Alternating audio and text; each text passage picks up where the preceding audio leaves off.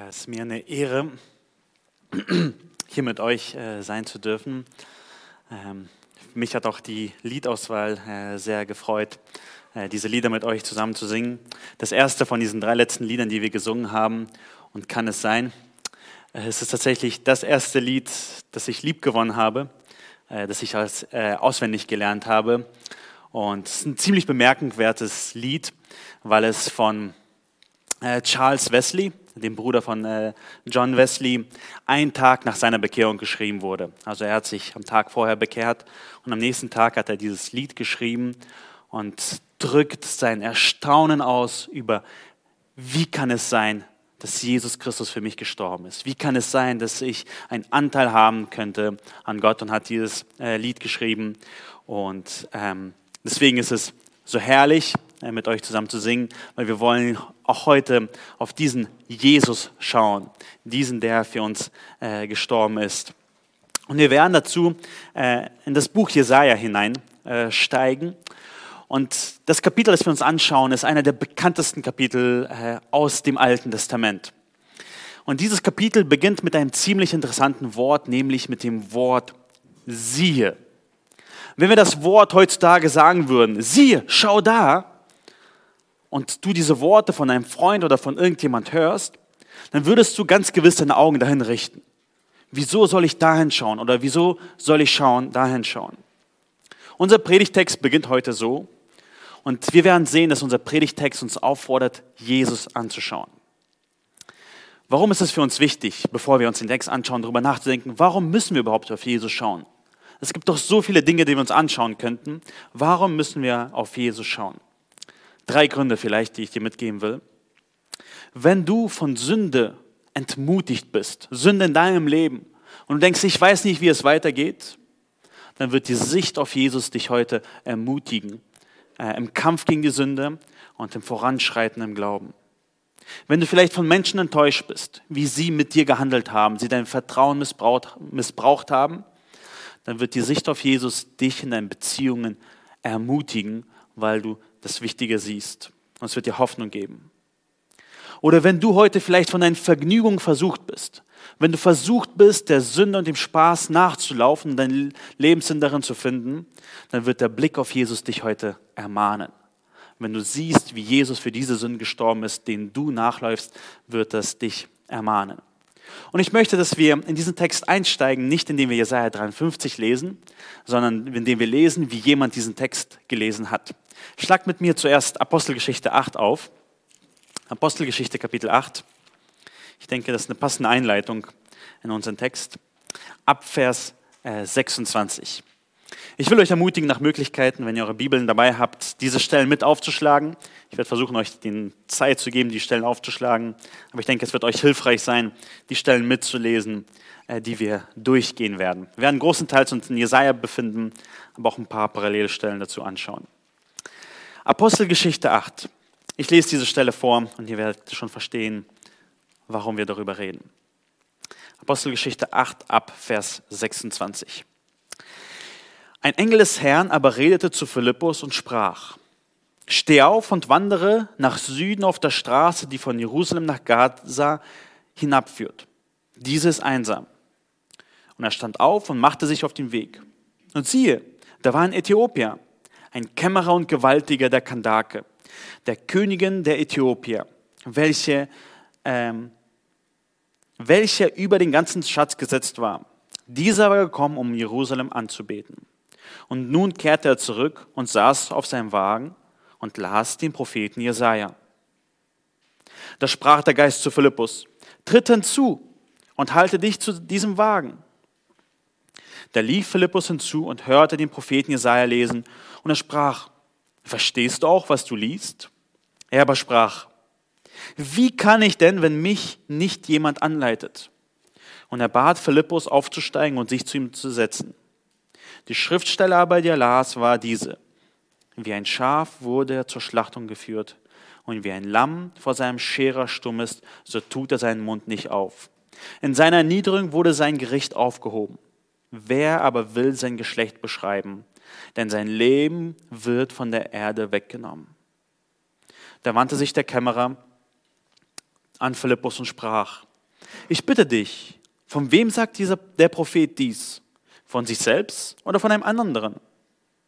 Da tat Philippus seinen Mund auf und begann mit dieser Schriftstelle und verkündigte ihm das Evangelium von Jesus.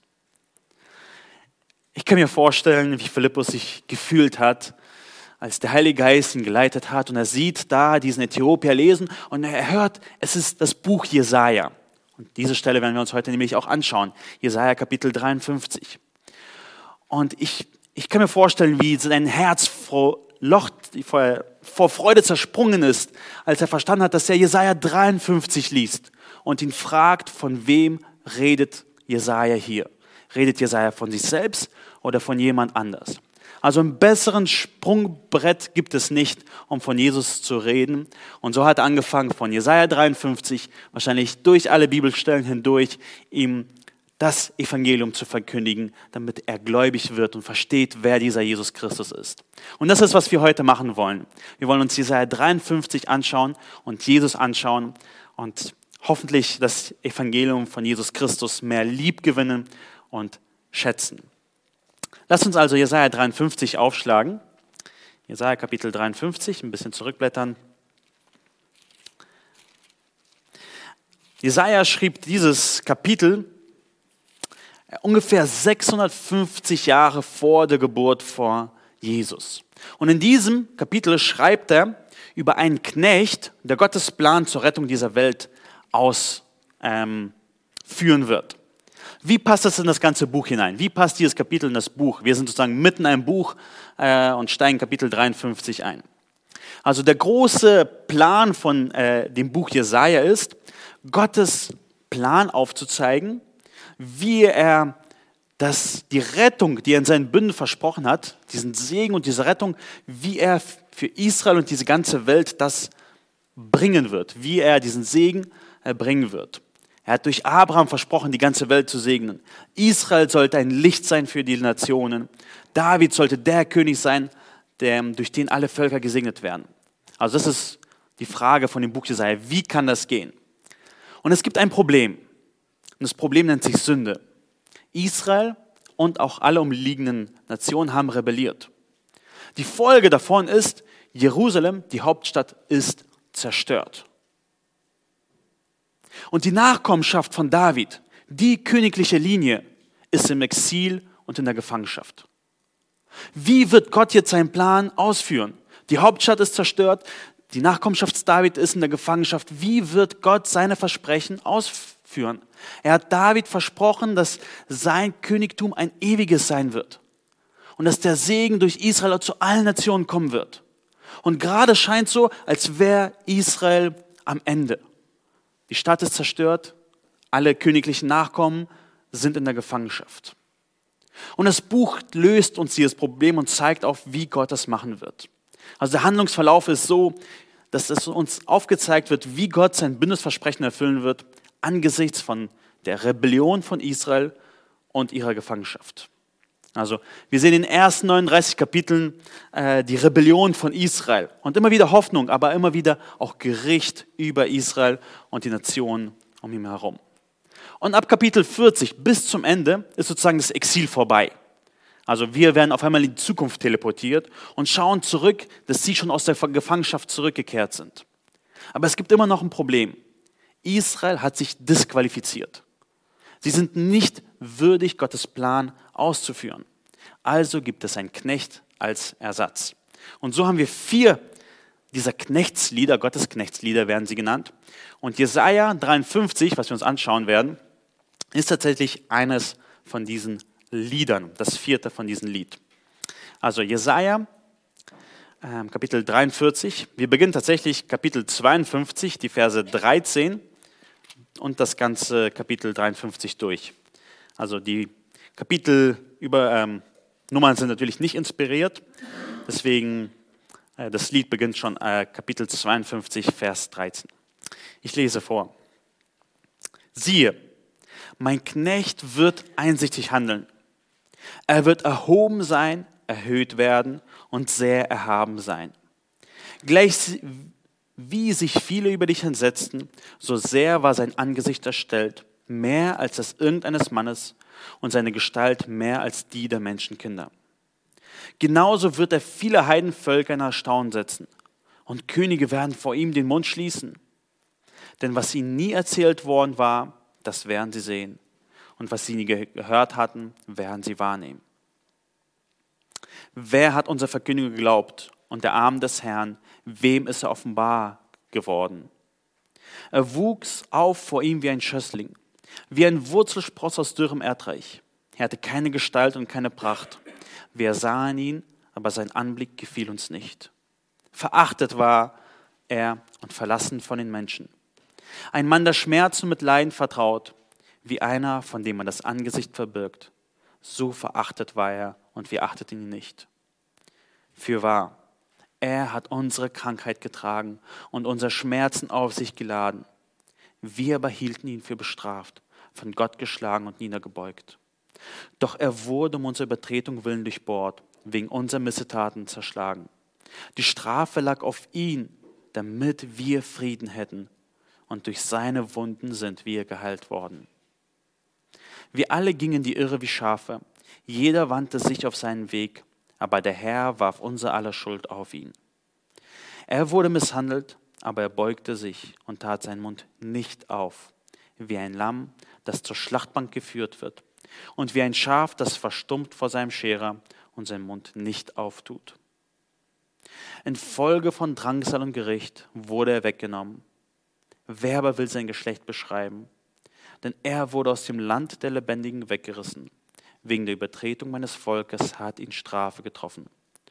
Und man bestimmte sein Grab bei Gottlosen, aber bei einem Reichen war er in seinem Tod, weil er kein Unrecht getan hatte und kein Betrug in seinem Mund gewesen war. Aber dem Herrn gefiel es, ihn zu zerschlagen. Er ließ ihn leiden. Wenn er sein Leben zum Schuldopfer gegeben hat, so wird er Nachkommen sehen und seine Tage verlängern, und das Vorhaben des Herrn wird in seiner Hand gelingen. Nachdem seine Seele Mühsal erlitten hat, wird er seine Lust sehen und die Fülle haben. Durch seine Erkenntnis wird mein Knecht, der Gerechte, viele gerecht machen und ihre Sünden wird er tragen. Darum will ich ihm die vielen zum Anteil geben und er wird Starke zum Raub erhalten. Dafür, dass er seine Seele dem Tod preisgeben hat und sich unter die Übeltäter zählen ließ und die Sünden, Sünde vieler getragen hat und für die Übeltäter gebetet hat. Soweit der Text, den wir uns heute anschauen werden. Wir werden schnell durch diesen Text äh, durchgehen müssen. Und in diesem Text äh, sehen wir fünf Strophen. Es ist ja ein Lied, es ist ein Gottesknecht-Lied. Mache ich irgendwas falsch? Oder ist es? Okay. Ähm, es sind fünf Strophen in diesem Lied und jede Strophe hat drei Verse. Wenn ihr in eure Bibeln guckt, also die ersten drei Versen ist die erste Strophe, die nächsten drei Versen ist die zweite Strophe und es sind fünf Strophen. Und die erste und die letzte Strophe passen zueinander und dann gibt es die mittlere Strophe, wo der Höhepunkt von dem Lied ist. Also das Lied hat drei Stro äh, fünf Strophen und die ersten drei Versen, also die erste Strophe, ist das Rätsel der Herrlichkeit von Jesus, wie ich sie überschrieben habe. Also Verse 13 bis 15 ist die erste Strophe und wir wollen sie uns gemeinsam anschauen. Und in dieser Strophe geht es um ein Rätsel. Ein Rätsel um die Herrlichkeit von Jesus. Jesus ist dieser perfekte Knecht, der Entsetzen hervorrufen wird, aber ebenso auch Erstaunen. Lass uns das anschauen. Schaut in eure Bibeln hinein in Vers 13. Dort fängt es an, siehe, mein Knecht wird einsichtig handeln. Siehe, lenkt unseren Blick auf jemand. Wer ist dieser jemand, auf dem unser Blick gelenkt wird? Also uns wird gesagt, schaut auf diesen eine Person. Es heißt, siehe, mein Knecht wird einsichtig handeln. Wir sollen auf den Knecht schauen.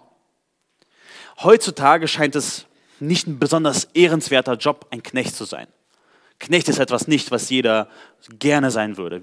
Niemand lässt sich gerne knechten.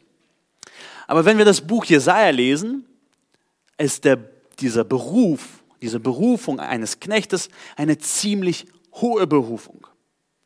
In Kapitel 42 sehen wir, dass dieser Knecht die Gerechtigkeit auf der Welt wiederherstellen soll. In Kapitel 49 heißt es, dass dieser Knecht die Welt retten soll. Also beim Knecht ist hier nicht so ein kleiner unterer Sklave, sondern ein Knecht Gottes, der Gottes Plan ausführt. Also es ist eine ziemlich hohe Berufung. Es ist ein hoher Titel im Buch Jesaja. Und dieser Knecht ist es, ich erzähle es euch vorher, ist der Messias, der gerechte König und der gnädige Retter. Dieser Knecht ist zweifellos Jesus Christus aus Nazareth. Warum sollen wir auf diesen Knecht schauen? Schaut in diesen Text. Siehe, mein Knecht wird einsichtig handeln. Er wird erhoben sein, erhöht werden und sehr erhaben sein. Der Grund, warum unser Blick auf diesen Knecht gelenkt wird, ist sein Erfolg. Er wird weise und richtig handeln.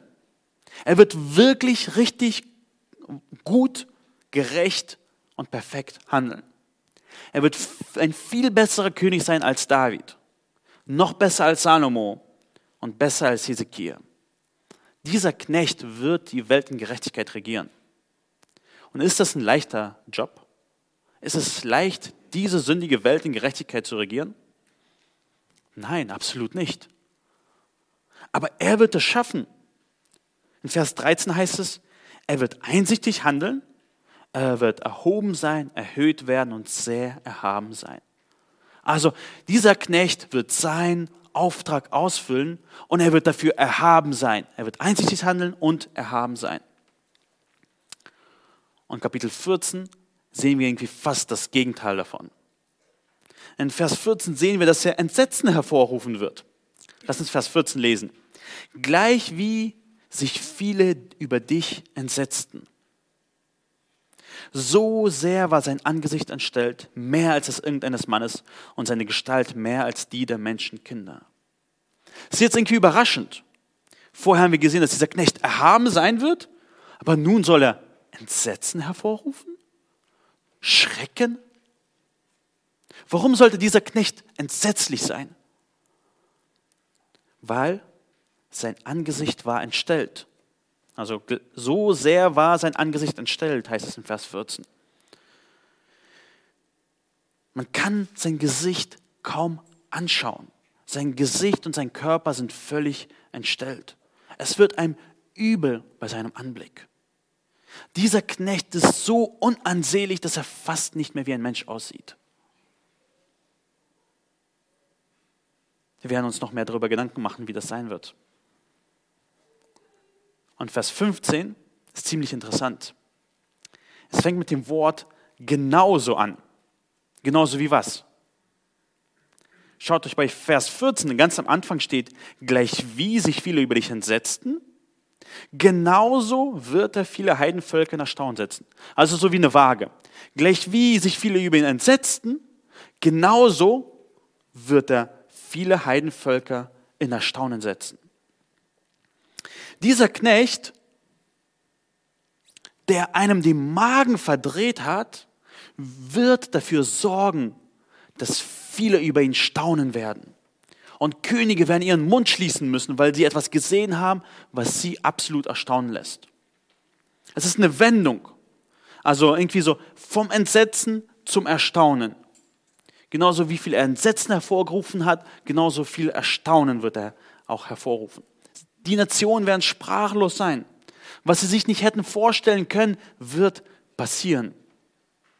Und wer wird darüber begeistert sein? Schaut in Vers 15. Wer wird begeistert sein? Es sind die Heidenvölker und die Könige. Und das ist jetzt tatsächlich das Rätsel. Das Rätsel der Herrlichkeit von Christus. Wie kann das sein, dass dieser Knecht erfolgreich sein wird, zuerst Entsetzen hervorrufen wird und dann Erstaunen? Wie geht das Ganze? Wie passt das Ganze zusammen? Und ich will dich heute aufrufen, dieses Rätsel anzuschauen und seine Lösung. Gott ruft dich heute auf, auf seinen Knecht Jesus Christus zu schauen. Wie schrecklich er ausgesehen hat und wie herrlich er gemacht wurde. Wenn du vielleicht heute von Jesus nicht entsetzt bist oder nicht erstaunt über ihn bist, dann könnte es sein, dass du blind bist. Vielleicht hast du ihn noch nie richtig vor Augen gemalt bekommen. Vielleicht hast du es vergessen, wie herrlich er ist. durch den Alltagstrot, jeden Tag Arbeit, jeden Tag äh, die Spülmaschine voll machen, jeden Tag äh, sauber machen und du hast diesen Blick für Christus verloren, für seine Herrlichkeit oder für wie schrecklich er gelitten hat. Und ich möchte dich aufrufen, dass du dich daran erinnerst, wie schrecklich Jesus gelitten hat und wie hoch erhöht er wurde ist. Das wird dich ermutigen, das wird dich stärken, dieser Blick auf Jesus. Siehe mein Knecht. Siehe, das ist mein Sohn, an dem ich wohlgefallen habe. Lass uns also diesen verachteten Jesus anschauen. Es beginnt mit diesem Entsetzen und wir werden zu Erstaunen kommen. Dazu wollen wir die nächste Strophe zusammen uns anschauen. Die zweite Strophe sind die Verse 1 bis 3 aus Kapitel 53. Dort heißt es, wer hat unser Verkündigung geglaubt und der Arm des Herrn, wem ist er geoffenbart worden? Er wuchs auf vor ihm wie ein Schössling, wie ein Wurzelspross aus dürrem Erdreich. Er hatte keine Gestalt und keine Pracht. Wir sahen ihn, aber sein Anblick gefiel uns nicht. Verachtet war er und verlassen von den Menschen. Ein Mann der Schmerzen und mit Leiden vertraut, wie einer, von dem man das Angesicht verbirgt. So verachtet war er und wir achteten ihn nicht. Wir sehen in Vers 1, dass es damit beginnt, dass die meisten Juden nicht daran glauben. Jesaja 53 ist eine Vorhersage von Jesu Tod und Auferstehen, aber trotzdem redet es in der Vergangenheitsform davon. Wer hat unser Verkünger geglaubt? Wir hören hier einen Juden reden, der sich bekehrt hat und nun an den Messias glaubt. Er spricht in der Vergangenheitsform über den Tod Jesu und seine Auferstehung. Also Jesaja 53 spielt sozusagen nach der Auferstehung Jesu sich wieder. Ein Jude hat an seinen Messias geglaubt und schaut zurück und sagt, warum haben wir nicht geglaubt? Wir haben den Messias gesehen, wir haben ihn abgelehnt, er ist gestorben für unsere Sünden und er ist herrlich auferstanden. Und er klagt hier darüber, warum, wer hat unser Verkündigung geglaubt? Und der Arm des Herrn, wem ist er geoffenbart worden? Und warum haben die Juden an Jesus nicht geglaubt, als er auf diese Welt gekommen ist? Das lesen wir in Vers 2. Er wuchs auf vor ihm wie ein Schössling, wie ein Wurzelspross aus dürrem Erdreich. Und das sind keine sonderlich ähm, lobenden Worte. Ein Schössling ist eine kleine, mini kleine Pflanze, die äh, aus dem Baum herausgeht. Ein Wurzelspross, so eine kleine Mini-Pflanze, die aus dem Erdboden herausgeht. So war Jesus. Er war keine mächtige Eiche, die schön anzusehen ist. Es war ein kleines äh, Wurzel, also ein Wurzelspross, ein kleiner Schössling. Jesus war ein kleines Pflänzchen in einem dürren Boden. Verachtenswert. Einfach nur drüber laufen, es passiert damit nichts. Seine Eltern waren keine Könige, seine Geschwister waren keine Fürsten. Und in dem Leben Jesus hat sich das erfüllt, was wir in Vers 2 lesen. Er hatte keine Gestalt und keine Pracht. Wir sahen ihn, aber sein Anblick gefiel uns nicht. Die Menschen haben ihn gesehen und dachten, na, da ist nichts dahinter. Er ist kein König, er ist nicht besonders, er ist nicht besonders schmächtig, nicht besonders stark, in seinem Leben war nichts, was einen hätte neidisch machen können. Niemand hat ihn angeschaut und gesagt, so ein Leben möchte ich haben. Auf wen schauen die Menschen heute? Auf Politiker, die es geschafft haben, auf Sportprofis, die alle Pokale gewonnen haben, auf Schauspieler, die das Promi-Leben genießen oder auf Instagram-Stars, die von einem Urlaub in den nächsten fliegen. Aber Jesus hatte nichts davon. Wir lesen Vers 3, Verachtet war er und verlassen von den Menschen. Ein Mann der Schmerzen mit Leiden vertraut. Wie einer, von dem man das Angesicht verbirgt, so verachtet war er und wir achteten ihn nicht. Die Juden haben ihn nicht geachtet und achten immer noch nicht. Sie suchen jemand, der ansehnlich ist. Ein Star, jemand, der einflussreich ist. Aber was hatte Jesus zu bieten? Schaut Vers 3, welche Worte da sind. Da heißt es, verachtet war er verlassen. Er war ein Mann der Schmerzen und mit Leiden vertraut, wie einer, von dem man das Angesicht verbirgt. Warum hat man das Gesicht von Jesus verborgen? Warum hat man sich abgewendet, um nicht auf ihn zu schauen? Weil irgendwie seine Nase unförmig war? Nein. Ich denke, was vielleicht hilft, das zu verstehen, fällt es euch schwer, ein fröhliches Baby anzuschauen, das gerade lacht und äh, sich am Leben freut. Das fällt gar nicht schwer. Das ist eine Freude, sich anzuschauen. Fällt es schwer zu sehen, wie jemand heldenhaft sein Leben gibt, um jemand anders zu retten? Ja, also man sieht, dass er stirbt und es fällt schon schwer.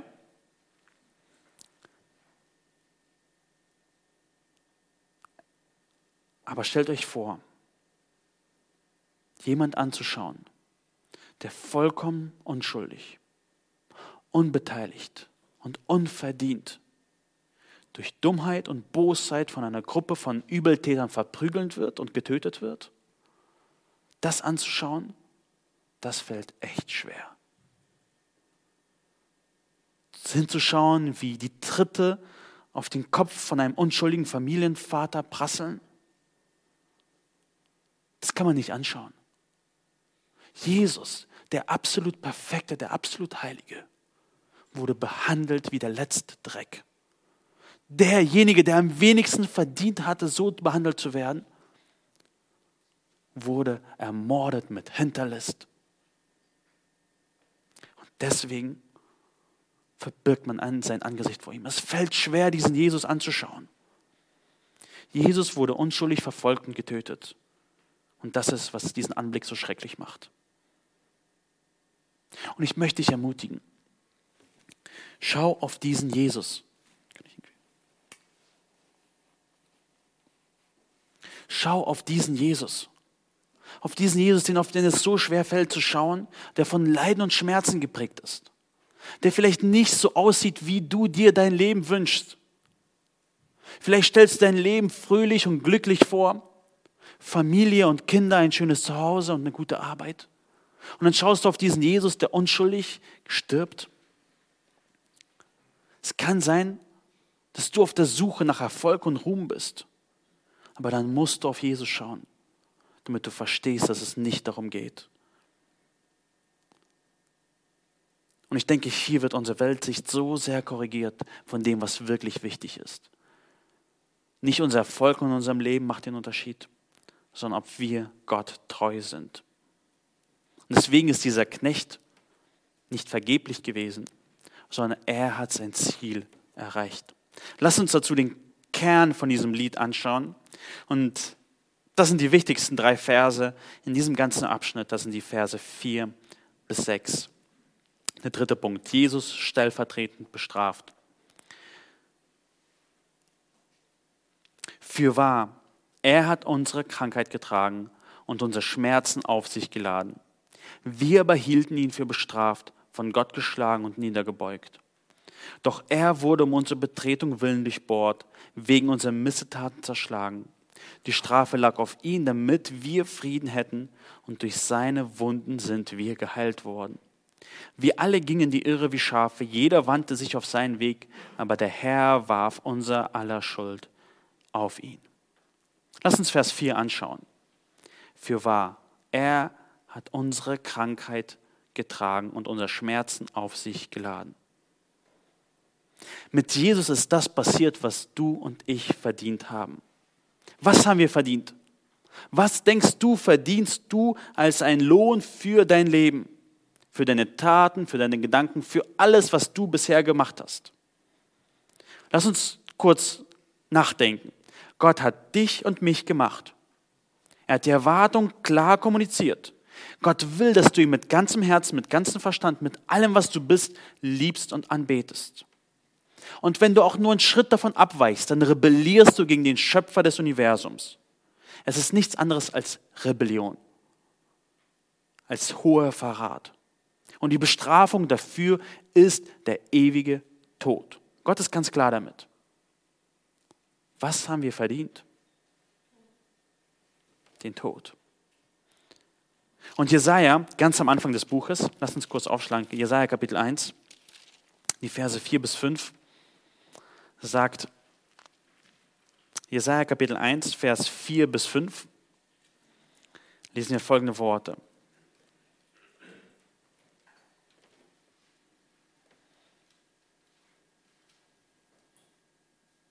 Wehe der sündigen Nation, dem schuldbeladenen Volk.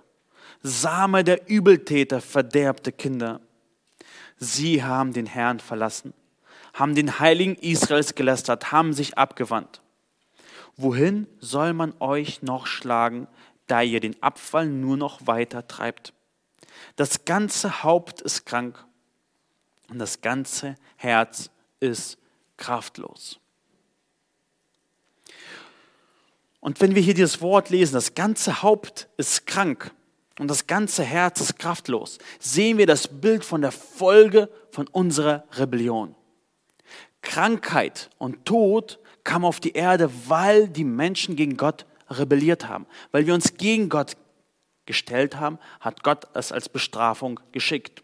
Und hier verwendet Jesaja auch dieses Bild. Er sagt, wehe diese sündigen Nation, ihr ganzes Haupt ist krank. Krankheit steht hier nicht für Kopfschmerzen. Die Nation war nicht alle von Kopfschmerzen oder Rückenschmerzen oder irgendetwas geplagt. Sie waren geplagt von der Krankheit der Sünde.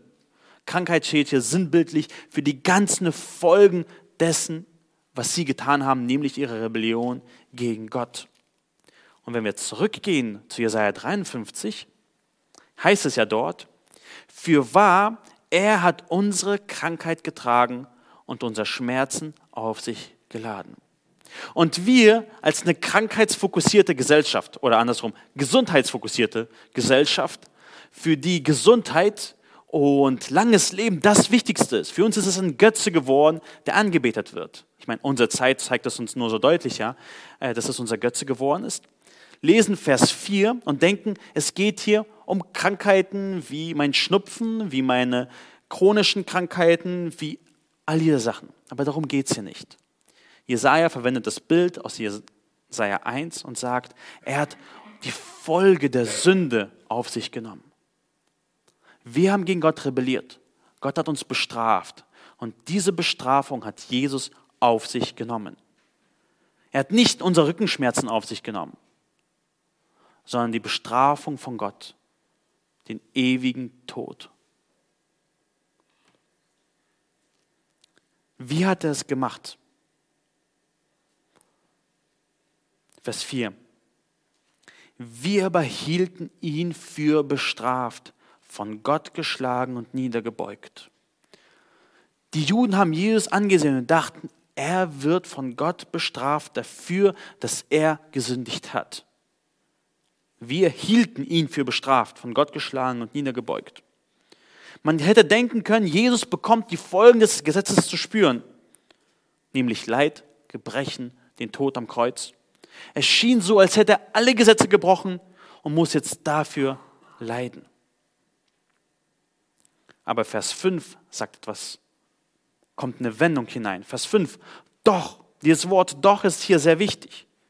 Er war nicht bestraft für seine Sünden, sondern für wessen Sünden hat er gelitten. Doch er wurde um unserer Übertretung willen durchbohrt, wegen unseren Missetaten zerschlagen. Jesus wird nicht bestraft für seine Sünden, sondern für unsere Sünden.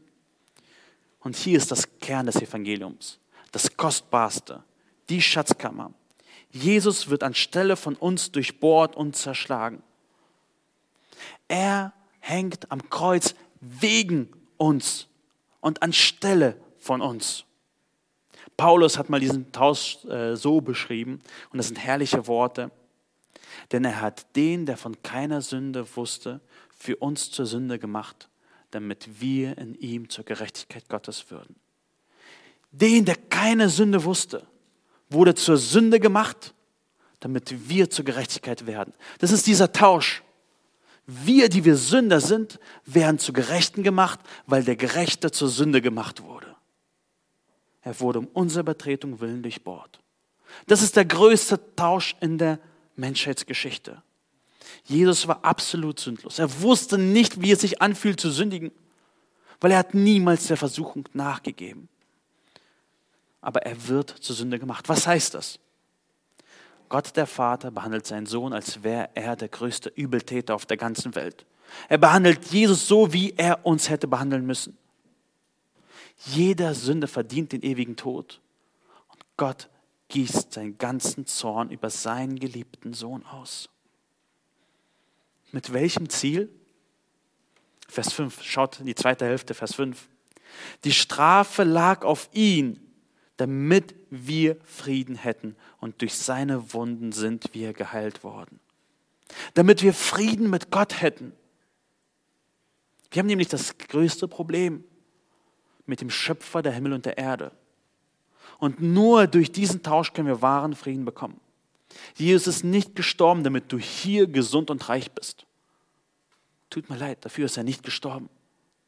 Weil das ist nicht dein größtes Problem, dass du krank oder zu wenig Geld hast. Dein größtes Problem ist die Sünde vor Gott. Und dass sie dich von Gott trennt. Und dafür ist Jesus Christus gestorben. Das Problem mit der Krankheit wird erst im Himmel beseitigt werden. Jesus heilt dich von der Sündenlast, stellt deine Beziehung zu seinem Vater wieder her. Und das ist das, der Kern des Evangeliums. Und Vers 6 ist auch sehr, sehr wichtig.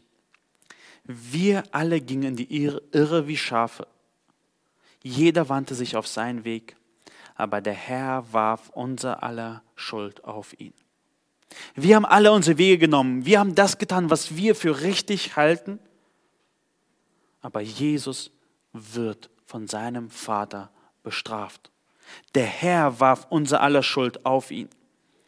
Wenn man die Evangelien liest, könnte man denken, dass die Menschen Jesus bestrafen. Dass die Menschen allein sind, die ihn peinigen. Die Hohepriester und die Obersten des Volkes haben ihn äh, ausgeliefert, die Römer haben ihn getötet. Aber die Theologie dahinter ist, was hier Jesaja sagt, der Herr warf unser aller Schuld auf ihn. Gott ist es, der das Ganze gemacht hat. Gott hier ist aktiv, nicht passiv. Gott hat nicht zugeschaut, wie sein Sohn gekreuzigt wird.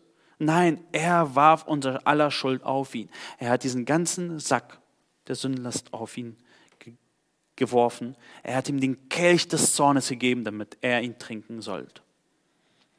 Was ist die Anwendung davon? Schau auf deine Sünden. Du kannst sie nicht tragen. Du kannst mit deinen Sünden nicht klar werden. Es kann nur einer sie tragen nämlich Jesus Christus. Du brauchst diesen Tausch der Gerechtigkeit mit Du brauchst Jesu Gerechtigkeit, damit deine Sündhaftigkeit weggenommen wird. Und wenn du heute noch nicht gläubig bist, dann komm zu Jesus. Er bietet dir diesen Tausch an. Er ist gestorben für die Sünde der Welt, damit du Vergebung erfahren könntest. Nimm diesen Frieden an, weil alles andere ist vergeblich. Und so lesen wir weiter. Kommen wir zu der vierten Strophe. Jesus unschuldig getötet. Das sind die Verse 7 bis 9. Er wurde misshandelt, aber er beugte sich und tat seinen Mund nicht auf, wie ein Lamm, das zur Schlachtbank geführt wird, und wie ein Schaf, das verstummt vor seinem Scherer und seinen Mund nicht auftut. Infolge von Drangsal und Gericht wurde er weggenommen. Wer will aber sein Geschlecht beschreiben? Denn er wurde aus dem Land der Lebendigen weggerissen. Wegen der Betretung meines Volkes hat ihn Strafe getroffen. Und man bestimmte sein Grab bei Gottlosen, aber einem Reichen war in seinem Tod, weil er kein Unrecht getan hatte und kein Betrug in seinem Mund gewesen war. Was wir hier sehen, ist Jesus unschuldig getötet. In Vers 7 sehen wir, dass Jesus bewusst leidet in Vers 8, dass er stirbt und Vers 9, dass er begraben wird. Also es ist so eine fortschreitende. Er leidet, stirbt und wird begraben. Lass uns diese Stelle zusammen anschauen, indem wir ein bisschen hineingucken. Vers 7. Er wurde misshandelt, aber er beugte sich und tat seinen Mund nicht auf. Niemand wird gekreuzigt und bleibt dabei stumm. Niemand wird gekreuzigt und bleibt dabei stumm. Entweder man empört sich über die Ungerechtigkeit oder man bekennt seine Schuld und bittet um Gnade. Es gibt nur diese beiden Optionen.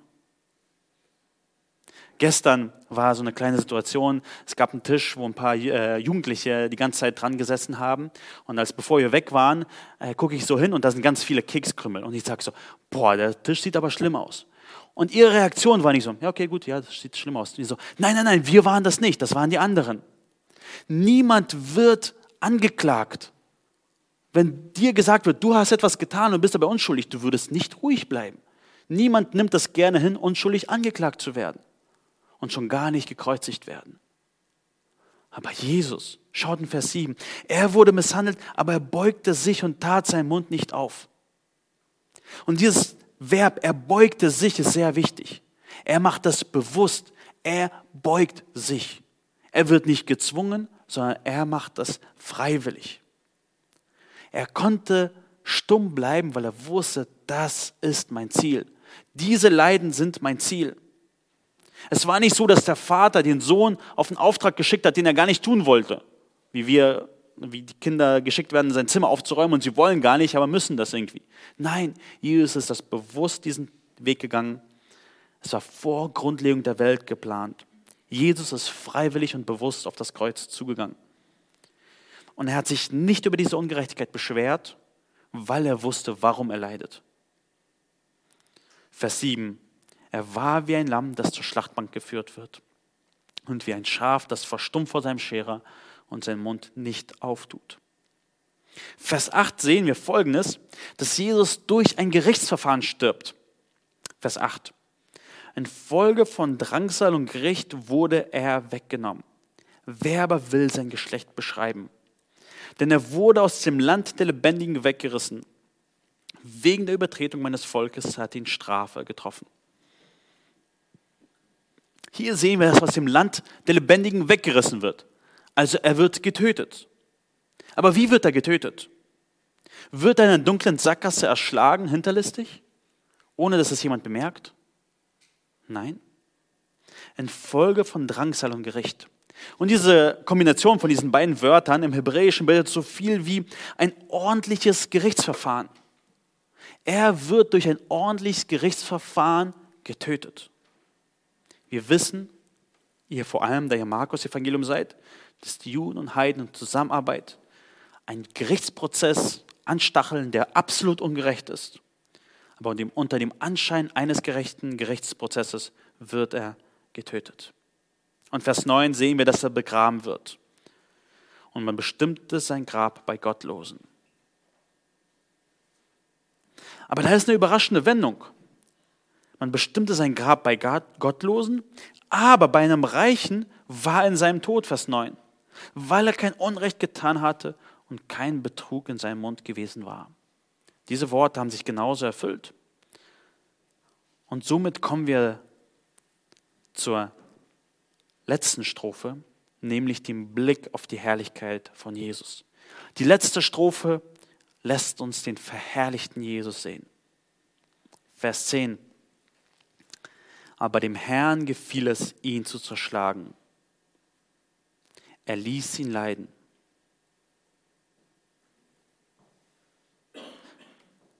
Das sind herausfordernde Worte.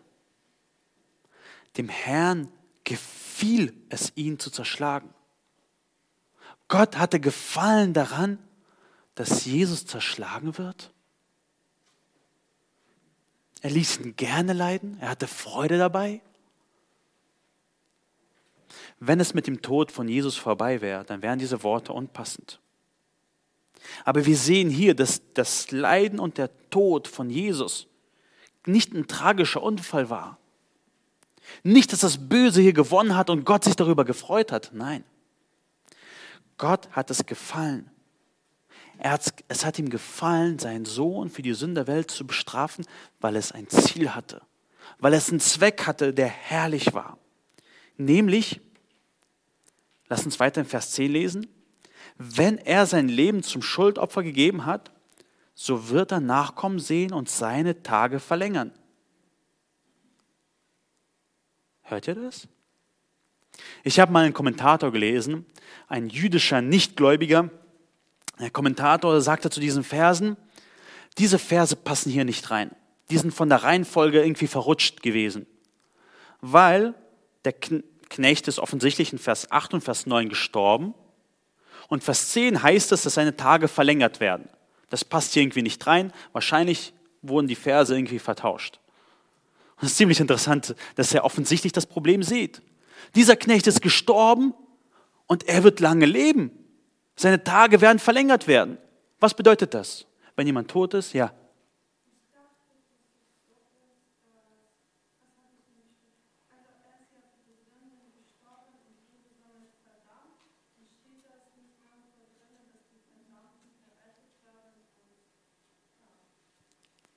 Ja, so ähnlich in die Richtung. Also er ist für die Verdammten gestorben, aber hier steht, dass er auferstehen wird, weil er war tot und wird für immer nun leben.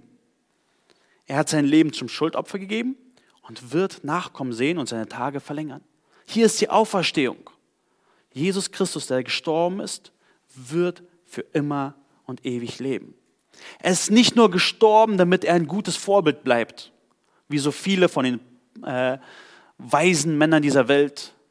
Gandhi ist gestorben und ist ein Vorbild geblieben, aber Jesus ist nicht im Grab geblieben, sondern ist auferstanden und seine Tage werden verlängert und das Vorhaben des Herrn wird in seine Hand gelegen. Er wird seinen Plan ausführen.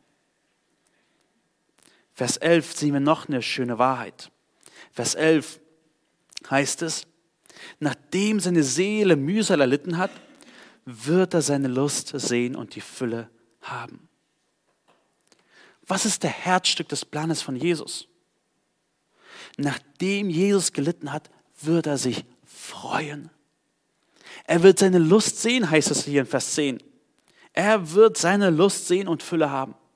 Er wird frohlocken, er wird glücklich sein. Er wird das haben, worauf er sich schon lange gesehnt hat. Was denkt ihr? Was ist die Lust von Jesus? Woran hat er wirklich Freude? Hat an Gott Freude, ja. Aber warum ist er gestorben? Warum ist er gestorben für Sünder? Schaut hier rein, in äh, Vers 11. Wird seine Lust sehen und die Fülle haben. Durch seine Erkenntnis wird mein Knecht, der Gerechte, viele gerecht machen und ihre Sünden wird er tragen. Jesu größte Freude ist es, Sünder gerecht zu machen. Das ist, woran Jesus sich erfreut, worüber er jubelt.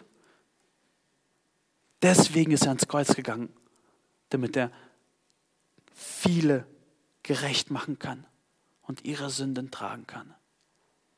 Das ist seine Lust, das ist seine Freude, das ist, worüber er sich am meisten freut. Er hat sich seiner Gemeinde durch sein Tod erkauft. Und Vers 12 sehen wir Jesu Verherrlichung. Vers 12. Darum will ich ihm die vielen zum Anteil geben. Und er wird Starke zum Raub erhalten, dafür, dass er seine Seele dem Tod preisgegeben hat und sich unter die Übeltäter zählen ließ und die Sünde vieler getragen hat und für die Übeltäter gebetet hat. Jesus wird nicht nur viele gerecht sprechen, nein, er wird auch die vielen zum Anteil bekommen. Was heißt es, die vielen zum Anteil bekommen? Wir sprechen weniger so in unserem, An äh, ich bekomme zum Anteil das und das. Aber hier geht es sozusagen um sein Erbstück. Gott der Vater wird diese geretteten Sünder Jesus schenken, als die Belohnung für seine Arbeit. Jesus wird die Gemeinde geschenkt bekommen und hat sie geschenkt bekommen. Seine Braut sein Volk, die von ihm gerettet worden sind, gehören nun ganz ihm für alle Ewigkeit. Sie sind sein Volk. Und sie werden ihm geschenkt bekommen. Dafür, dass er in den Tod hingegangen ist. In Offenbarung 7 sehen wir, dass wie das Ganze am Ende aussehen wird. Offenbarung 7.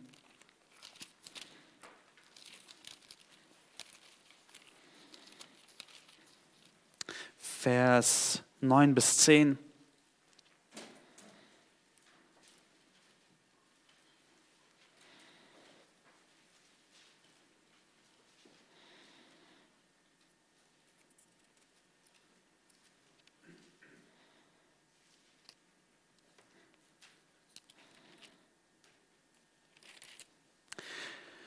Nach diesem sah ich und siehe, eine große Schar, die niemand zählen konnte, aus allen Nationen und Stämmen und Völkern und Sprachen. Die standen vor dem Thron und vor dem Lamm, bekleidet mit weißen Kleidern und Palmzweige waren in den Händen. Sie riefen mit lauter Stimme, das Heil ist bei unserem Gott, der auf dem Thron sitzt, und bei dem Lamm, Jesus Christus. Das ist das Ziel von Jesus. Diese große Volksmenge gehört nun ihm. Das ist sein Volk, seine erkauften Kinder, Kinder, die ihn für alle Ewigkeit preisen. Das ist, warum Jesus ans Kreuz gegangen ist. Darum hat er sich entsetzlich machen lassen, damit wir dann über ihn erstaunen, wenn wir vor seinem Thron stehen und diese riesige Volksmenge von so unterschiedlichen Menschen sehen. Große und kleine, dumme und schlaue. Und die werden alle Gott preisen. Dafür ist Jesus in den Tod gegangen. Jesus hätte nie sterben müssen. Er hätte uns alle in die Verdammnis gehen lassen können. Aber er ließ sich unter die Übeltäter zählen, obwohl er sündlos war. Und er betete sogar für seine Übeltäter. Jesus ist erfolgreich. Der Knecht Jesus ist erfolgreich gewesen. Er hat seinen Plan ausgeführt. Und lasst uns davon nicht schweigen. Heute ist ein Tag zum Feiern.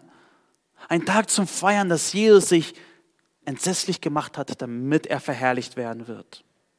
Wir sind jetzt sein Volk, die wir an ihn glauben. Wir sind von ihm erkauft. Er hat für uns den teuersten Plan, äh, Platz, Preis. Er hat den teuersten Preis für uns bezahlt. Und das gibt uns Hoffnung. Es gibt uns Hoffnung, wenn wir gegen Sünde kämpfen. Weil wir wissen, Jesus liebt uns. Er hat uns so sehr geliebt, dass er für uns gestorben ist. Er wird uns auch heiligen. Und wenn du vielleicht heute von Sünde gelockt bist und Sünde dir schön und begehrlich äh, aussieht, dann denk daran, dass diese Sünde Jesus ans Kreuz gebracht hat. Er ist wegen deiner Sünde ans Kreuz gegangen und musste so entsetzlich werden, so unansehlich werden. Und wenn du vielleicht Schwierigkeiten hast mit Beziehungen, musst du wissen, dass es nicht zwei Himmel geben wird, wo die Leute sind, mit denen ich mich gut verstehe und die Leute, mit denen ich mich nicht so gut verstehe, sind im anderen Himmel. Nein, so wird es nicht sein. Alle, die an Jesus glauben, sind von ihm erkauft. Und wir werden uns alle um den einen Jesus versammeln ob der andere vielleicht da anders denkt, dich beleidigt hat, schlecht über dich geredet hat. Er ist genauso von Jesus geliebt, genauso von ihm erkauft und wir gehen auf dasselbe Ziel hin. Vielleicht mögen sich unsere Wege hier kurz trennen, aber wir werden im Himmel vor Gottes Thron stehen und mit einer Stimme den Jesus preisen, der für uns gestorben ist. Und das gibt Hoffnung in Beziehungen, die schwierig sind, die herausfordernd sind. Ich hoffe, dass dich dieser Blick auf Jesus ermutigt hat. Und ich will dich auffordern, schau auf Jesus. Schau auf Jesus heute, schau auf Jesus morgen. Lerne ihn kennen in seinem Wort. Hab täglichen Umgang mit ihm im Gebet, in seinem Wort, in deinen Gedanken, die sich auf ihn richten. Schau, wie verachtet war er, um verherrlicht zu werden. Und denk daran, du bist seine Belohnung. Du bist das Geschenk vom Vater an den Sohn. Und ich will dich herausfordern. Willst du Jesus mehr als alles schätzen, mehr als alles lieben, wirklich in deinem Leben? Oder willst du äh, ihn ignorieren und dein Leben für dich leben? Es gibt nur diese beiden Optionen. Jesus mehr als alles schätzen oder Jesus ignorieren. Willst du diesen verherrlichten Jesus ignorieren? Das lohnt sich nicht. Jesus wurde verachtet, aber nun ist er zu Rechten des Vaters. Jesus nahm die Schuld der Welt stellvertretend auf sich. Lasst uns diesen Jesus anbeten, indem wir gemeinsam aufstehen zum Gebet. Und ich bete mit uns.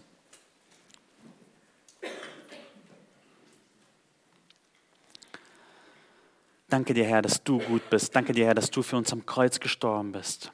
Danke dir, Herr, dass dein Blut vergossen ist für unwürdige Sünder wie mich, Herr.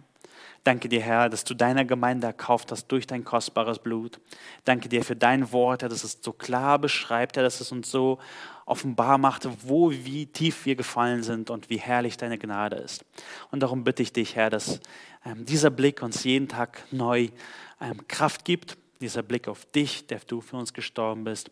Bitte ich, Herr, dass du unser Herz mit Freude erfüllst, Freude über deinen Sieg, den du vollbracht hast, Herr. Dafür danke ich dir und will dich ewig loben. Amen.